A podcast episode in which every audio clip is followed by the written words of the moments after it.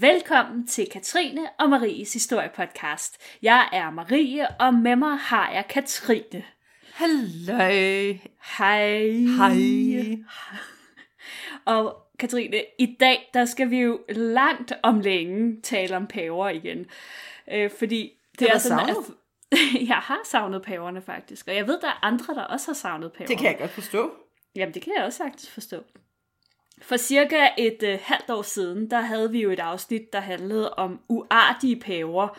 Og Katrine, hun var så snedig og kaldte det for Volume 1. Fordi der er så mange paver, der har været så underlige. Og det forpligter jo også til, ja. At der kommer en toer, kan man sige. Den svære tor. Den svære toer, øhm, den kommer nu. Ja. Men øh, hvordan delen topper man krigsløsende paver, spørger jeg. Man topper dem med liderlige paver. Uh. Øhm, men øhm, paver, de, de lever jo i celibat. Altså, det er jo sådan en ret big deal i den katolske kirke. Åh. Oh. Men øh, så skal vi jo huske en vigtig ting med paver i middelalderen. De havde det ret vildt. det, altså mildest talt ret vildt. Mm. Jamen altså, skal vi så ikke øh, bare skynde os igennem nyhederne, så vi kan få snakket om øh, de her kødelige lyster? Det synes jeg, vi skal. Ja. Og den her nyhed, den er ikke så banebrydende. Jeg ved ikke, Marie, nu ved jeg, Ja. hvor meget læser du politikken? Øh, meget lidt. Det er en københavneravis. Det er det. Men øh, en opmærksom læser gjorde mig jo opmærksom på, kan du huske sidste uges nyhed med det gode manuskript, det det erotiske ja. digt? Ja, Vi breakede den nyhed, før politikken gjorde. det gjorde vi. Det lagde jeg også godt mærke til. Ej, Ja. Altså, politikens historieredaktion. Hvis kongerækken De... nogensinde tager for meget kaffe. Det er det. Så ringer ring I. til os. Men er politikens historie redaktion ikke kongerækken? Jo, men det er, hvis de bliver træt af dem. Nå, okay. Altså, hvis det er, så, kan vi, så lægger vi den billet ind. Mm. Jeg drikker mest te, faktisk. Ja. Jeg er sådan all round. Hvorfor har vi ikke en breaking bell, bjælke? det er svært i en podcast. Men, Nå, tilbage. altså, den her nyhed, den er ikke super banebrydende, men den er alligevel sådan Nej. ret fed. mm, Marie, det er jo ikke Ja. nogen hemmelighed, at du arbejder på et museum. nej. Og nede ved jer, har der nogensinde været noget vigtigt, der på en eller anden måde er forsvundet lidt i jeres magasiner? Sådan blevet forlagt? Selvfølgelig ikke. Vi har totalt styr på vores ting altid. Ej, og det passer faktisk. Vi har styr på vores ting. Vi ved Ja, godt, ja, hvor ja. alting er. Men øh, du udelukker ikke, at på en eller anden måde, når I flytter rundt på ting, Mm. at der er ting, der godt kan blive skubbet lidt op bag i magasinet, og sådan lidt for glemt på en måde. Altså, jeg ved rent praktisk, at det er sket, men det, det hænger lidt sammen med sådan ældre dage, og, ja, ja, og, der, sådan, altså, de og deres måde at registrere ting på, som måske var lidt mangelfuld indimellem. Um, jeg sender her en kærlig tanke til mine kolleger, som arbejder netop med vores samlingsgennemgang for tiden. Men altså, det er ikke noget, der sker i dag. Nu har vi styr på det. Ja. Men øh, steder, hvor det sker, det er i Makedonien. Åh, oh, Fordi, ja, vi tager lige spring. Fordi her har arkeologer ved et tilfælde opdaget en 2000 år gammel byste af Alexander den Store. Og man tænker nok, ej, hvilken udgravning har de været på ude i solen mm. med Indiana Jones-hatten. Men nej, de, de ryddede op på deres eget museum, og så bum, fund, som at skyde Åh. sild i en tunde.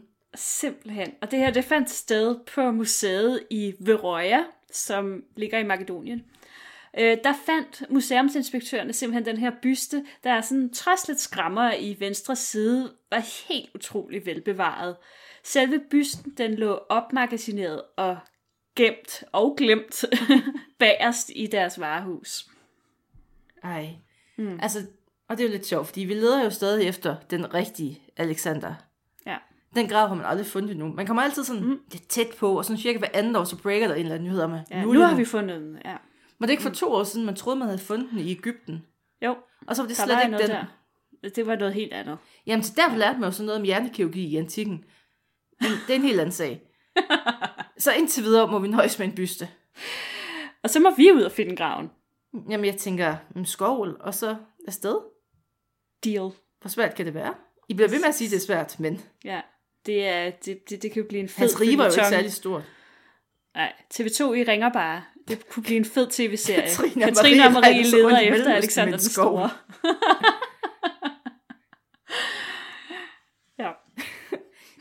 Jamen, jeg tænker ligesom det der fantastiske program, der med de der par, hvor de skulle ud og finde de der dyr. Det der et Øh, dyr, så- to så- hold to- og et Tre eller andet. Ja, Det kunne da gøre med historiske ting. det kunne vi da. Det kunne vi da i hvert fald. Det er vel ikke markant sværere at finde et eller andet hjerne eller gøjl, end at finde en rev.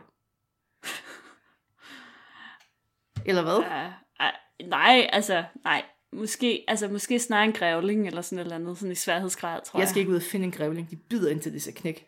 Mm. Nå, tilbage til paverne. og lige sådan ja. en lille note til det her afsnit. Altså, paver og sex, det er jo sådan lidt, lidt forbudt, kan man sige. Mm. Så ofte det, man har hørt om paverne, det er rygter af den ene eller den anden slags. Og hvorfor starter man rygter? Jo, fordi pavestolen, det var jo den bedste stol at sidde på i middelalderen. Det er der jo ingen tvivl om. Der var penge, og der var magt, og så åbenbart også damer nogle gange. Og derfor kunne der godt gå sådan lidt sport i at begynde at sprede rygter om nuværende pave.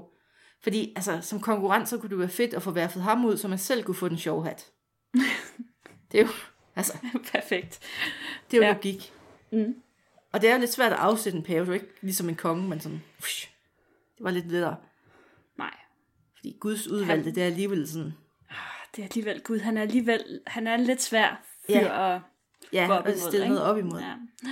Så vi har prøvet at sådan kigge igennem skandalerne og tage dem, hvor der måske er lidt mere bevis. Fordi at ved de fleste paver, så er der et eller andet rygte, men vi slår så ned på dem, hvor det er rimelig håndfast, at de har mm. været nogle, nogle horebukke.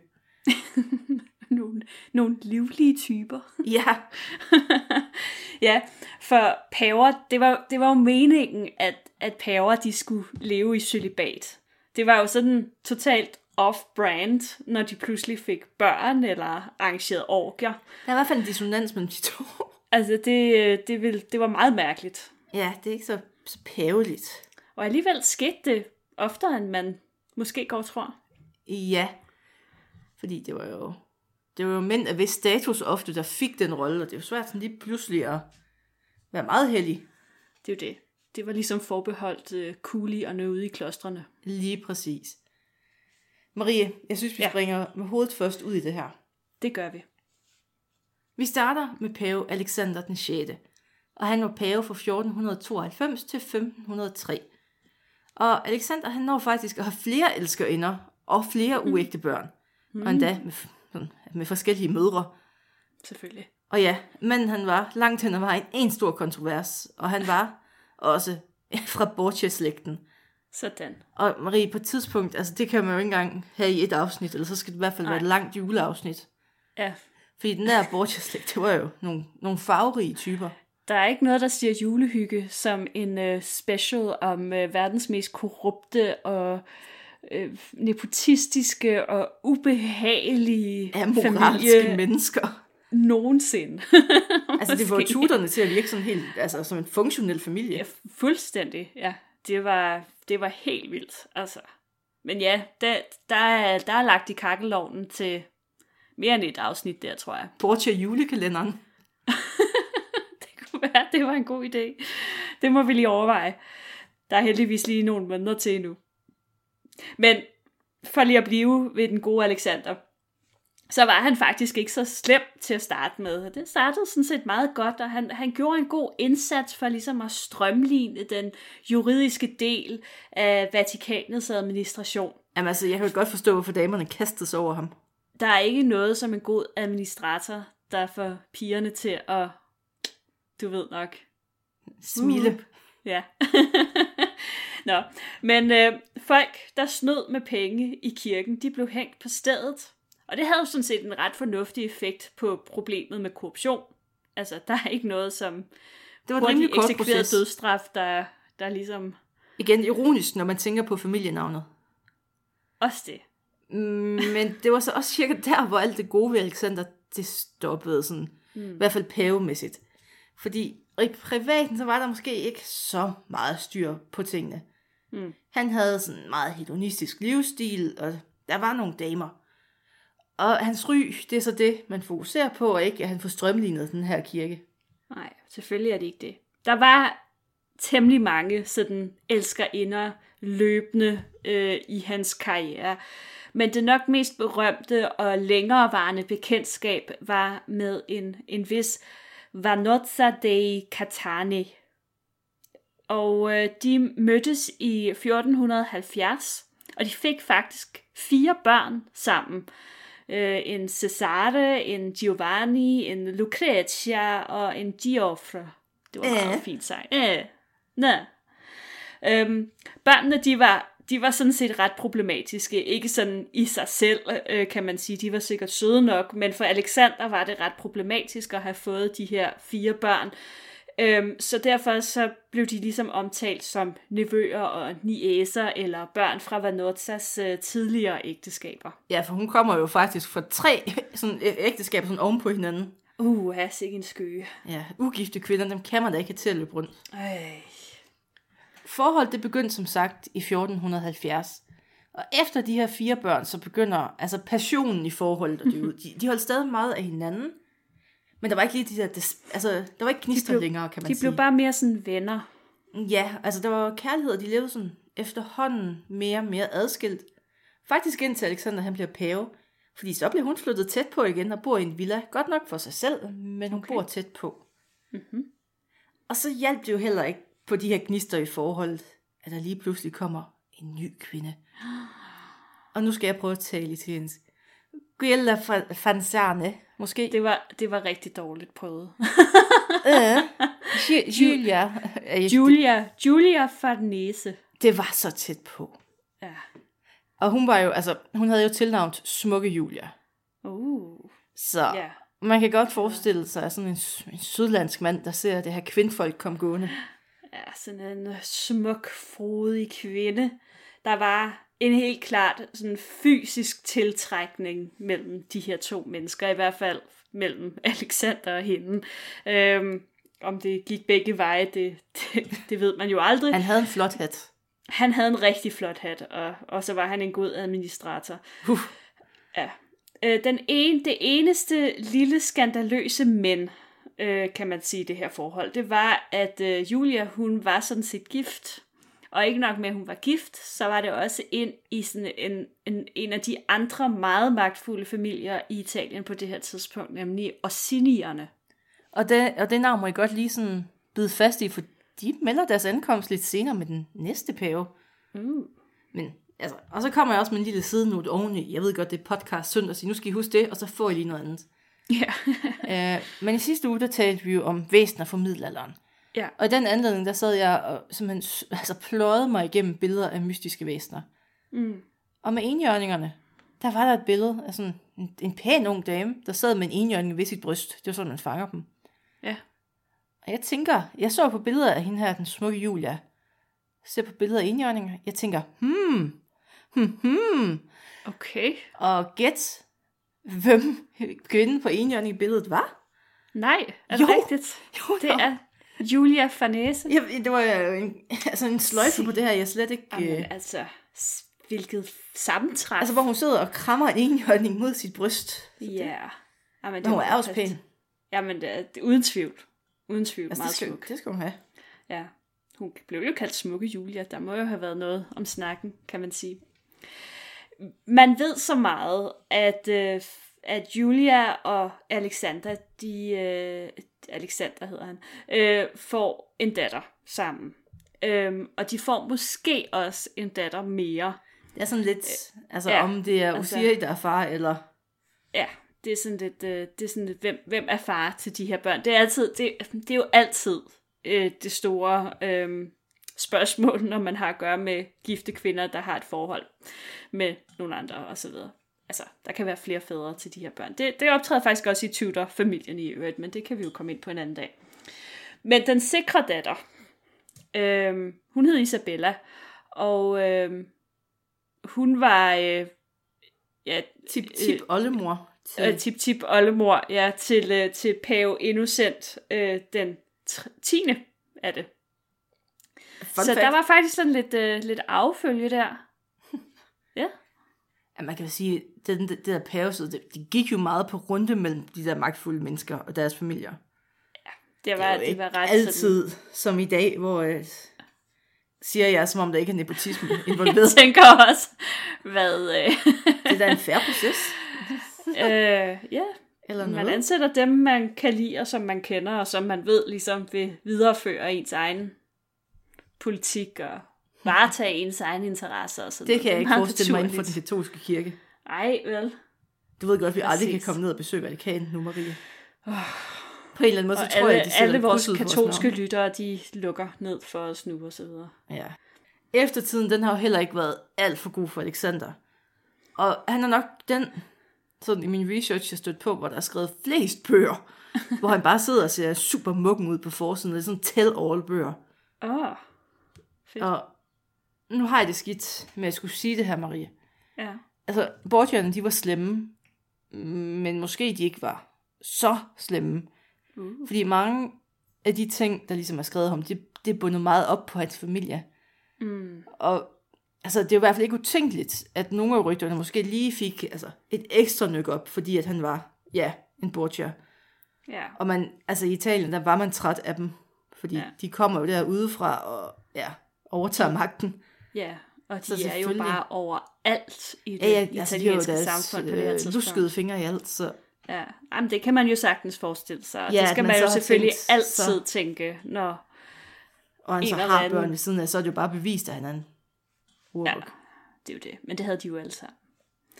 Men det kan vi jo også tale videre om sådan til sidst i, i afsnittet. Vi har jo, som vi plejer, et lille eftersnak efter vores banjo.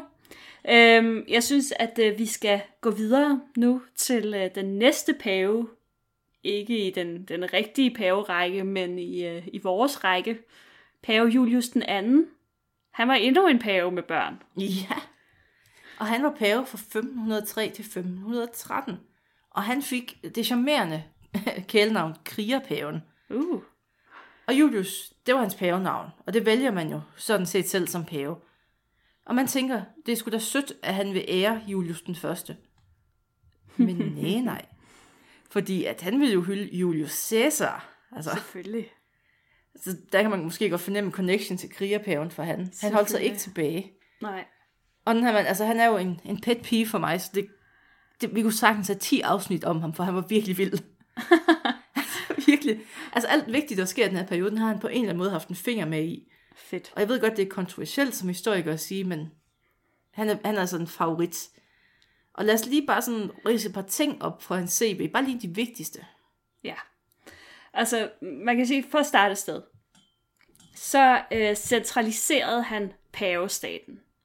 Og han, øh, han grundlagde Schweizergarden, de her øh, folk, der render rundt ned i Vatikanet med den her lidt fjollede uniform på.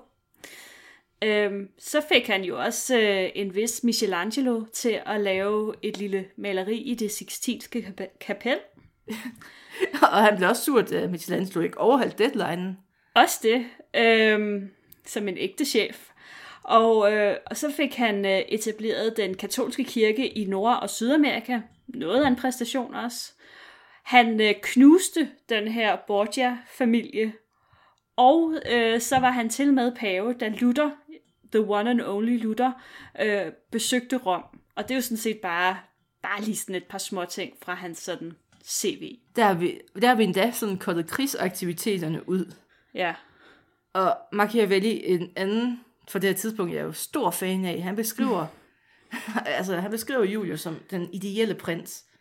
Så det var ja. også et kæmpe plus i min lille bog. Ja, og så var der jo også, der var sådan en masse involvering. Nu har du allerede nævnt det, men han, han var jo med i utallige krige og konflikter, og så planlagde han jo også et, et, et korstog til Konstantinopel. Men altså, man skal jo tænke på, at på det her tidspunkt er paven jo ikke så meget, altså han er jo selvfølgelig religiøst overhoved, men han er jo det er også, også en, en magtfaktor. han er en magtfaktor. Han har sin egen hær. Han er en, man laver alliancer med. Han kan altså, fordømme konger, og, jamen, Ja, det er. Og han gør det ja. i jævn strøm. Altså, det er... um, Han er, han er vild. og han var en Ja. yderst fortagsom mand, vil jeg sige.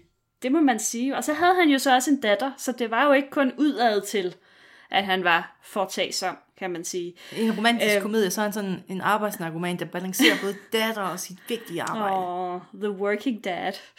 Øh, ja, øh, datteren hun hed øh, Felice della Rovera, og hun levede fra 1483 til 1536. Og hun var en af de mest magtfulde kvinder i Italien, går jeg ud fra. Øh, Ja, men på det egentlig her også på tidspunkt. international scene, fordi hun var sådan... Hun var... Fordi farmand, altså selvom han jo ikke kunne sige, at hun var hans datter, så Mm. fik hun da virkelig et skub frem i livet af hende. Hun fik alt, hvad hun havde brug for. Hun manglede ikke noget, i hvert fald. På ingen måde. Og blandt andet så, øh, så fik hun også et rigtig godt ægteskab. Hm, Tak, far. Øh, men, øh, men det var jo med en Orsini, øh, som Dam, vi jo har snakket om dam. før. Altså den anden store magtfulde slægt i, øh, i Italien. Og des, desuden så øh, hjalp hendes skills jo også Julius den 18 med at forhandle en fred med øh, dronningen af Frankrig. Jamen altså, er der noget, de ikke kunne fedt. Men nu Dejligt. bliver det saftigt. Øh. Fordi selvom Julius altså, har en datter, hvilket jo i sig selv er kontroversielt nok, så gik der også rygter om, at han i hvert fald på deltidsplan var homoseksuel. deltid.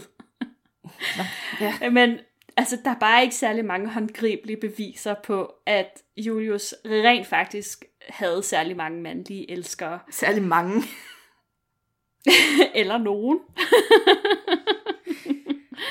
Øhm, igen, så kan det godt, altså det kan da godt være, at han delte ud af sin kærlighed til både mænd og kvinder. Øh, det kan også godt være, at det er onde rygter. På det her tidspunkt er homoseksualitet jo... Øhm, jeg ved ikke, om det sådan er direkte ulovligt. Ja. Øhm, det er fuldstændig utænkeligt og meget illeset. Øhm, og øh, altså Julius, han var jo i sin stil, øh, sin fremgangsmåde, sin attitude, sådan meget konfrontatorisk, og han lagde overhovedet ikke fingre imellem, når han ligesom gik ud med noget. Og på den måde, så fik han jo også ligesom skaffet sig en lang række fjender, øh, som ikke vil være blege for at sprede rygter. Jeg kan jo sige, at sådan en af de her fjender, som han fik, det var jo øh, den navnkundige Henrik den 8. hen i England, som jo øh, omkring sådan øh, 1530'erne jo gjorde sit for at lave en øh, ja, datidens svar på, på Brexit og bryde med, Ja. med paven af Rom, ikke EU, men øh, paven. Og det var en af dem, som øh, Julius han var mm, efter, for at sige det mildt. Og Henrik ville nok også øh, have spredt nogle rygter om ham, tænker jeg. Ja, for det er jo var nemlig hos mange af protestanterne, at de her rygter, de ligesom fik et liv. Sjovt nok. Ja, fordi at katolikker og protestanter, de var jo ikke bedste venner, kan man sige mildt.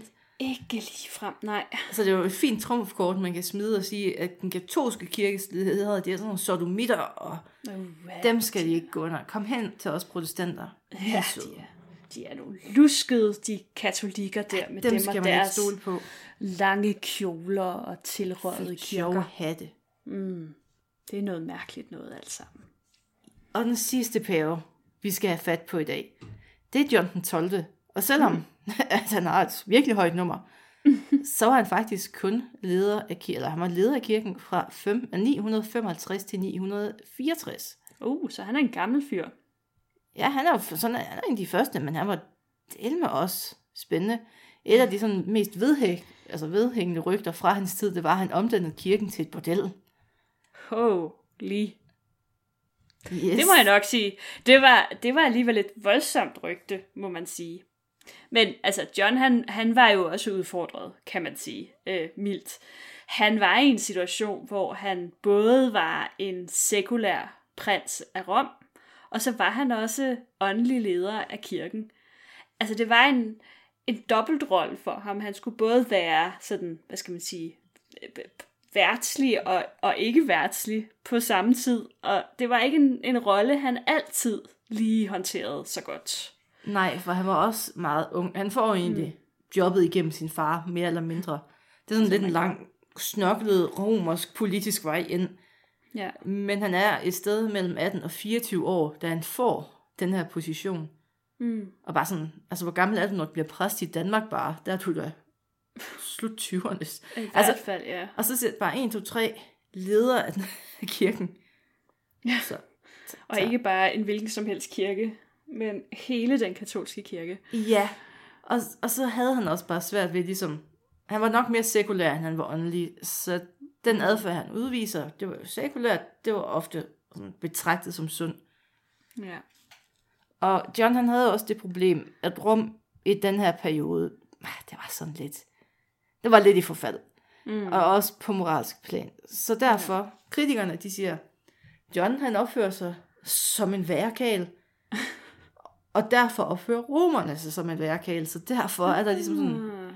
så sidder man lighedstegn mellem hans adfærd og ja. romernes adfærd. Ja. Altså på det her tidspunkt, der var romeriet jo sådan set forsvundet. Ja, det var sådan en turistfælde nærmest. det var opløst, og Og Ja. man kunne ikke rigtig få penge. Altså det var jo faktisk pavs, Det var- altså det var jo paven, der holdt det sammen til sidst, indtil man Ja. får det fornyet. Ja, og de her øh, rygter om, omkring John, de gik ud på, at han, han havde sex med en hel masse mennesker. Han, øh, han havde blandt andet sex med farens elskerinde. Han havde sex med sin niece. Og så var der en lang række enker, som han også øh, frekventerede. Og alle de her møder, de foregik åbenbart i kirkens ejendomme. Deraf kom det her bordelrygte. Charmerende. Mm. Og altså John, han, han havde også en tvivlsom diplomatisk emne. Altså kunden, vil jeg sige. Ja. Fordi han får lavet en alliance med Otto den første af Tyskland. Teoretisk set godt. Han får også lynhurtigt brudt den igen. Og det, altså hele det der Otto og John forhold, det er det mest dysfunktionelle nogensinde. Men Altså- det er sjovt, fordi det er sådan faktisk lidt det samme som med Julius den anden. Altså, der er jo også, altså, øh, der er, hvad hedder det, kongen af Frankrig, og den tysk-romerske kejser, og den spanske konge, og så er der Henrik den 8., og så paven, ikke? Mm. Og altså, det, det er det mest dysfunktionelle forhold, de her folk har med hinanden, og de, de danner alliancer på kryds og tværs og mod hinanden og med hinanden, og altså, det, de går bag hinandens rygge, og altså, de skaber sig helt tåbeligt. Det er så insane. Altså, herskere i middelalderen havde det bare vildere. Jamen, der, der var ingen regler jo. Altså, forestil dig Boris Johnson og Trump på crack, og så er vi ved at være der. Altså med Forestil uindskrænket magt op på crack. Ja, jamen, jeg forestiller dig en verden, hvor der ikke, undskyld, men var et EU for eksempel til lige at holde Ja, lige Trump lidt i tøjlerne, eller moderere. NATO, eller FN, eller sådan et eller andet til lige at styre nogle Jamen af de der verdensledere. at lederne jo heller ikke, altså, der var ingen checks and balance i forhold til deres befolkning. Nej, Så de kunne gøre, hvad de ville. fuldstændig. De var jo ikke demokratisk valgt. De havde penge. Overhovedet ikke. Og det var, ja. det Og pengene, de kom jo fra befolkningen. Altså, det var jo ikke sådan, at... Var befolkningen træls, så slog man den ihjel. Altså, ja. det er jo det. Altså, det Præcis. var insane. Det var, det var crazy tider. Og med de ord, tak fordi I, at I lyttede med endnu en gang. Efter banjoen, så er der jo, man kan næsten sige som altid, fordi nu bliver det tredje gang, vi gør det, en, øh, en lille diskussion om dagens afsnit. Og øh, her, der øh, lover vi, at der kommer alle de saftige og udokumenterede, sexede paverygter og en masse andet snak. Så øhm, hvis I har lyst, så ses vi på den anden side af banjoen. Vi er nødt til at købe så meget aflad efter det her. Ba, ba, da. Banjo. Banjo! Nå, Marie. De Ja. paver, de paver. De paver. De er nu værre ballade med jer alle sammen. Nogle af dem, de var faktisk. Mm. Men nogle af dem, de tror jeg altså også, de fik sådan ligesom smidt et rygte i nakken, de måske ikke altid fortjente. Trods alt. Altså, det er jo altid nemt at sværte sin...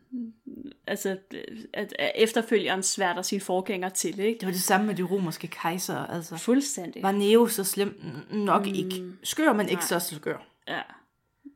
Præcis. Altså, der, der, man skal altid tage den slags med et grænsalt, altså. Og det der med gør. Ja. Altså, det er jo ikke altså, nødvendigvis dikteret af kirken. Altså, nogle gange, altså nogle steder, altså, det er jo, altså alt efter, hvor man læser. Men i nogle diskussioner, så er det jo egentlig måske ikke så meget altså, med Gud, at de ikke må blive gift og have et forhold. Men sådan måske mere for at undgå nepotisme, at de ikke skulle mm. ud og blande sig. ja Så man fik alle de der arvefølge ting. Ja. Altså, der, der var jo nok sådan et eller andet, en eller anden idé om, altså det er jo i hvert fald det, der blev praktiseret ude i klostrene, kan man sige, at, at, at, at man jo skulle hellige al sin energi, kan man sige, til Gud. Ja. Så, så det nyttede jo ikke noget, at man brugte sin energi på kvinder, for eksempel. Ja, rende rundt efter dem. Som jo De kræver meget typisk energi. jo, jamen det kræver enormt meget energi at, at opretholde sådan et forhold der. Altså, det er Øh, ligesom kvinder kan det, godt være krævende, det vil, jeg, det vil jeg godt øh, øh, vedstå. Så, øhm, så det, det, det, det tror jeg også, at ligger i det. Men når det er sagt, så er det jo heller ikke nogen hemmelighed, at, at jamen, selv ude i klostrene, der var der jo også historier. Ja. Altså jeg tror, jeg tror jo personligt, øh, og- og det tør jeg godt sige uden at træde for mange over tæerne, men jeg tror personligt det med at leve i celibat, åh, jeg tror det er meget, meget svært. Altså, det, det kræver nok næsten, at du lever et sted, hvor du slet ikke er i kontakt med nogen, sådan at du ikke bliver fristet. Altså, øh, Der var faktisk en pave, der havde sådan en halv løsning på det. Ja. Altså nu nævner jeg bare Sixtus den femte. Mm. Og for det første, han var utrolig dårlig pave. Han havde tjenere, han havde elskere, og så var han altså meget nepotistisk. Mm. Han ansætter sin egen nevø. Og du ved godt, Ja. det der udtryk med, at folk har en guldske i munden. Ja, Nevøen, han ankommer altså til kirken i guldkåbe, givet af hans onkel. var det så en rigtig nevø, eller var det Det var rigtigt. søn? Det var rigtigt. Okay. Men øh, han skulle jo så også efter sine have givet kardinalerne fri i sommermånederne til at udføre i det, sådan, det omfang, de havde brug for. Fedt. Og så kunne de komme Ja, ja. tilbage, og så startede vi på en frisk. Hør her, kammerater. U 28, 29, 30. Der Gå slår jeg den. bare løs. I skal halte, når I kommer tilbage. Gud. Jamen altså. må sige, men en- men, det var en nå, ja, men så har man ligesom altså, fået det. Altså, der findes jo også... Mm, altså, jeg tror nok, det er de her Amish-folk over i USA, ikke? De har jo sådan et år. Jeg kan ikke huske, hvad det hedder. Ja, hvor de kommer Øh, ud i verden. -agtigt. Ja, altså hvor at, at det er ligesom efter det, der svarer til vores konfirmation eller sådan et eller andet, så bliver de ligesom sluppet fri, og så skal de bare løbe hornene af sig, og så må de tage ud i byen, og de må drikke sig fuld, og de må hore, og de må gøre alt, hvad de overhovedet vil i, i et år. Og så er det jo så meningen, at de skal vende tilbage til Amish-miljøet, og så leve kyskt og rent, og ikke synde nogensinde derefter. Så har de Nogensinde. ligesom fået lov til at, at gøre det. Det, det er nok, altså, jeg ved, jeg tror ikke, jeg tror simpelthen, fordi, altså, åh, det er jo, det er jo menneskeligt det her, det er jo sanseligt, det er jo ikke, det er jo ikke noget dårligt. Men altså, that's religion for you. Ja, ja, Skal, skal du have et spicy rumor mere? Ja, kom med dem. Okay, okay.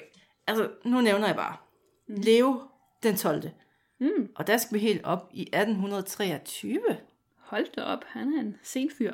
Altså, hans claim to fame, det er, at han forbød jøder at besidde ejendom.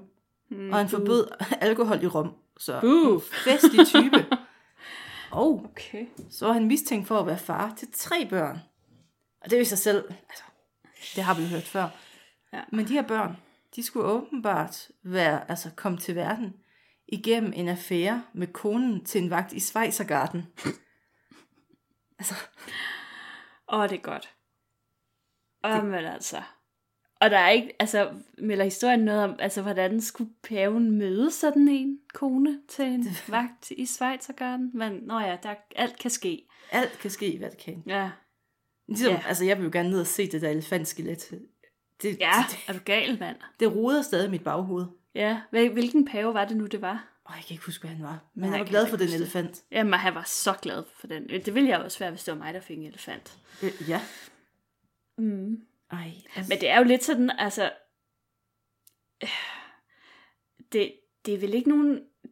Jamen, jeg ved det ikke. Det er jo selvfølgelig et, et dilemma, det der med, med paverne, som så har børn og ikke har børn og sådan noget. Jeg tror på en eller anden måde, at... Altså, det kan være, det er derfor, man sådan i dag kun vælger sådan nogle mega gamle paver. Fordi så er man ligesom sikker på, at der ikke altså jeg, jeg tror børn. stadig på, at der lige pludselig dukker et barn op og siger, du er min far. Ja, Padre. Og de er jo sådan, altså, mellem 80 og skindøde, de der folk, der bliver valgt til pave nu om dagen. Ja, de er godt op i årene. Ja. Måske er det også fint at ikke have de alt. De skal være så unge og virile. Jamen, det, det, det nytter ikke noget. Det bliver noget værd ballade. Ja, på delen. Ja. Ej, Har du flere gode rygter? så meget. Marie, Ja. Leo den 10. Uh, En Metti pave, den første Metti, der Ja. blev pave. Ja. Han var det første. Altså, og, og det er jo en, endnu en. Altså, nu har vi nævnt Borgia-slægten, vi har Orsini-slægten, og så er der jo selvfølgelig Medicierne. ja, og Det ham er kæmpe slægt. Leo, altså hans yndlingsting i verden, det var aflad. og hans nummer to yndlingsting i verden, ifølge rygterne, det var mænd. Uh. Altså, han, der blev sådan stablet et, han er flindrende homoseksuel rygte på ham. Okay. Og igen, Men ikke noget galt i det, men på det her tidspunkt, rimelig kontroversielt move. det må man sige. Altså, igen, øhm, hvornår var, altså han er vel også sådan tilbage i 15-1600-tallet, sådan noget. Ja. Ja, der var det ikke så godt at være homoseksuel. Det var Men jeg fandt jo ud, som- at han var jo nævnt i sådan, altså man kommer jo i- sådan ud i nogle sjove kroge på internettet. Han var faktisk, mm. altså han er jo nævnt i flere bøger sådan med queer øh, men and women in history. Der var han jo faktisk angivet. Okay, Som, men der kan, altså, men igen, ved, det, kan det kommer an på, at hvilket, altså, hvilke kilder man bygger det på. For altså sådan nogle rygter, de er bare, uh, de, Ja, men- man skal være påpasselig med dem. men nogle gange, altså, der går jo heller ikke røg af et bål. Nej, nej, præcis. Altså, så det er jo... Men man skal, der, man skal der være påpasselig, men der kan jo sagtens noget om det. Ja, Og, og fair nok med det, altså for set fra et moderne synspunkt, altså der Det er ingen alarm. lige meget, altså, men, men, men, det er det jo ikke for den katolske kirke, ej, kan man sige. Søren, altså, heller ikke i dag, nødvendigvis. Så, så var det jo faktisk lige med, at han brændte i helvede, og det er jo ikke godt, når man er pave. Generelt ikke nej. Heller ikke, hvis man ikke er pave. Men især når man er pave. det er nok det værste. Skal vi, skal vi Ja. slutte af med, altså nok det vildeste, det er jo både sådan 50-50 rygte og 50, altså rygte sandhed ting, vi har her. Ja, Julius den tredje. Ikke ej at forveksle med den anden, vi har talt om. ja den anden Julius, det her. Okay, han var med i sådan en kæmpe skandale, kaldt, og igen mit italiensk, Innocenzo-skandalen. Ja, Og det var, sådan, det var rimelig intenst. Fordi han blev før sin indsættelse som pave involveret sådan. Og igen, jeg bruger ordet involveret, for det er lidt flimsigt om, hvad det indebærer. ja. eller en Men- form for forhold. Ja, altså med en søn af en tiggerkvinde. Okay. Det lyder jo spændende. Og den gør første ting, han gør, når han kommer ind og bliver pave, der er ham her tigger, sønnen, som han så har taget lidt til sig, han får en rolle som kardinal. Altså sådan mm. rimelig, han bliver bare altså, smidt ind rimelig højt i kirken. Han har Ja. ikke nogen rigtig uddannelse som sådan, og han kommer bare for, altså for fat i Fra går. gaden, ja. Og så, går, så begynder snakken jo at gå, kan man sige, hvis man går som lidt for smået kardinal. Så kan man godt finde på at spørge sig selv, aber Ja, selvfølgelig. varum? Ja. Og så går snakken jo på, at Julius han har en affære med ham her Incensio. Fordi at Selvfølgelig. der er rygter om, at de deler soveværelse. Og, og de her Altså- stillinger, han får, ham her drengen senere mm. hen, det er også sådan nogle, altså sådan nogle stillinger, hvor han ikke rigtig skal lave noget. Altså forestil dig øh, prins Joachim der, hans rolle i hjemmeværnet. det, det er det level, vi er inde i. Ja. Og så snakken, den går bare, og folk ude i byen griner af ham, og folk i de europæiske kongehuse griner af ham, fordi Ja. de kan ikke rigtig forstå, hvorfor det her det sker. Nej. Ej, men det er jo helt vildt. Ja. Men det er jo også sjovt, at der jo alligevel er...